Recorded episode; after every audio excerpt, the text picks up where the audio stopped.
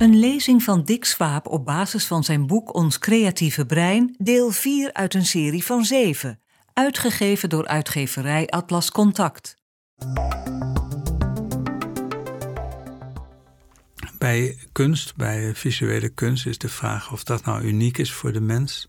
Uh, er zijn schilderijen gemaakt uh, waar uh, zowel Picasso als Miro grote belangstelling voor hadden, non-figuratief. Uh, door een aap in Londen. In de, uh, um, in, het was een uh, chimpansee in de zoo in Londen. Um, en er zijn mensen die grote bedragen daarvoor hebben neergeteld. En toch kun je afvragen of dat kunst is. Want die aap die maakte die schilderijen op dezelfde manier als een klein kind met verf speelt. Hij was bezig op een vel uh, maakte zijn uh, schilderij. En wanneer hij er genoeg van had, dan gooide hij dat opzij en begon het volgende. Zonder enige emotionele binding met dat werk te vertonen. En emoties zijn iets wat je wel verwacht bij het maken van kunst door een kunstenaar. Het dier wat het dichtstbij komt bij wat wij kunst noemen, is de prieelvogel. Die leeft in Nieuw-Zeeland en in Australië. En die maakt een prieeltje. Uh, de mannetjes maken de prieeltjes om een vrouwtje te lokken. Om zich voor te planten. En die prieeltjes die zijn kleurrijk. Ze verzamelen uit de omgeving allerlei uh, dingetjes die kleur hebben. En bepaalde structuur hebben. En maken daar een uniek prieeltje van. Dus iedere vogel maakt echt een volkomen uniek prieeltje. Uh, de vogels die dicht bij elkaar een prieeltje maken... die proberen ook het prieel van de ander te verstoren. En als je experimenteel dat prieel verstoort...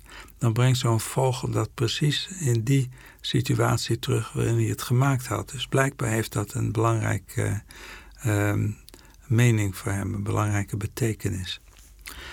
Um, onze hersenen hebben zich uh, ontwikkeld tijdens die evolutie... van zo'n 500 uh, gram tot 1500 gram in een korte periode van 3 miljoen jaar. Voor een evolutie is dat uh, buitengewoon kort. En die 1500, jaar, uh, eh, 1500 gram die toen behaald werd, die ging samen met het maken van kunst. Op dat moment begon de mens, de moderne mens, kunst te maken op verschillende plaatsen in de wereld, onafhankelijk van elkaar. En die kunst is kunst die ons nog steeds aanspreekt. Als je kijkt in de grotten, in de Dordogne, dan zijn dingen gemaakt die uh, buitengewoon mooi waren. Er waren ook kunstenaars die uh, minder werk afleverden. Er zijn altijd goede en slechte kunstenaars. Maar de top is werkelijk de moeite waard om te zien.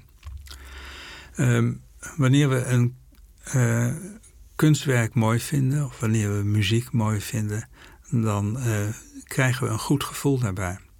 En dat goede gevoel, dat krijg je doordat een chemische boodschap, het uh, dopamine, wordt afgegeven in een hersengebied wat we de nucleus accumbens noemen.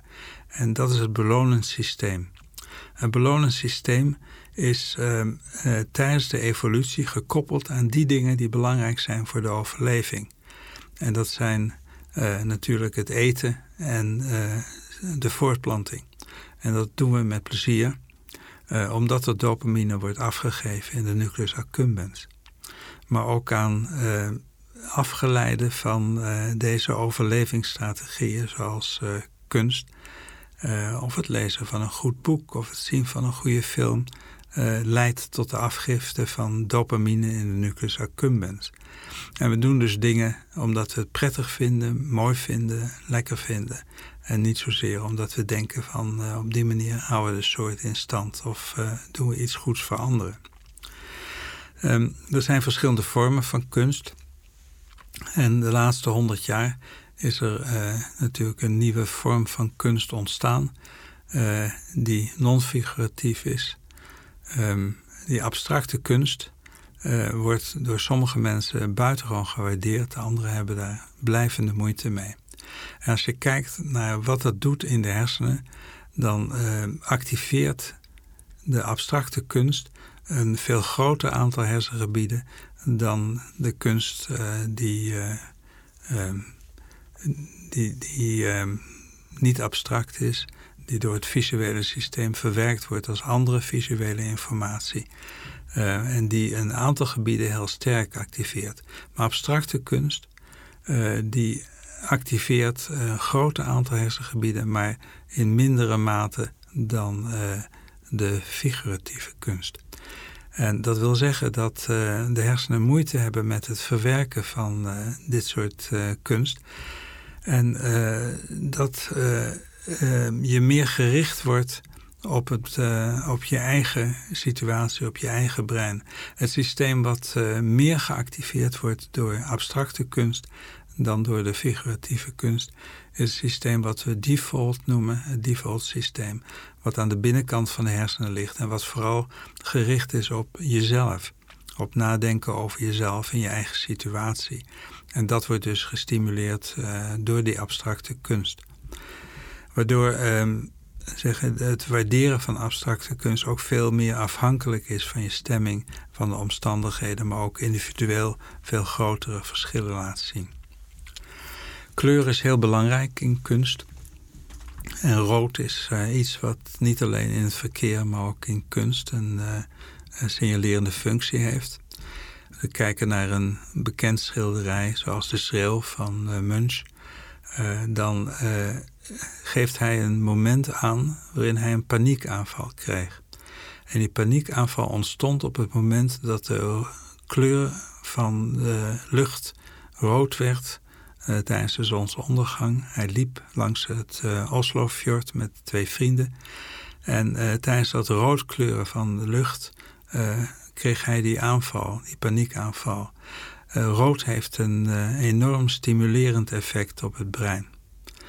En je kunt je afvragen hoe dat komt. er zijn een aantal verklaringen voor. In de eerste plaats heeft rood natuurlijk een relatie met bloed.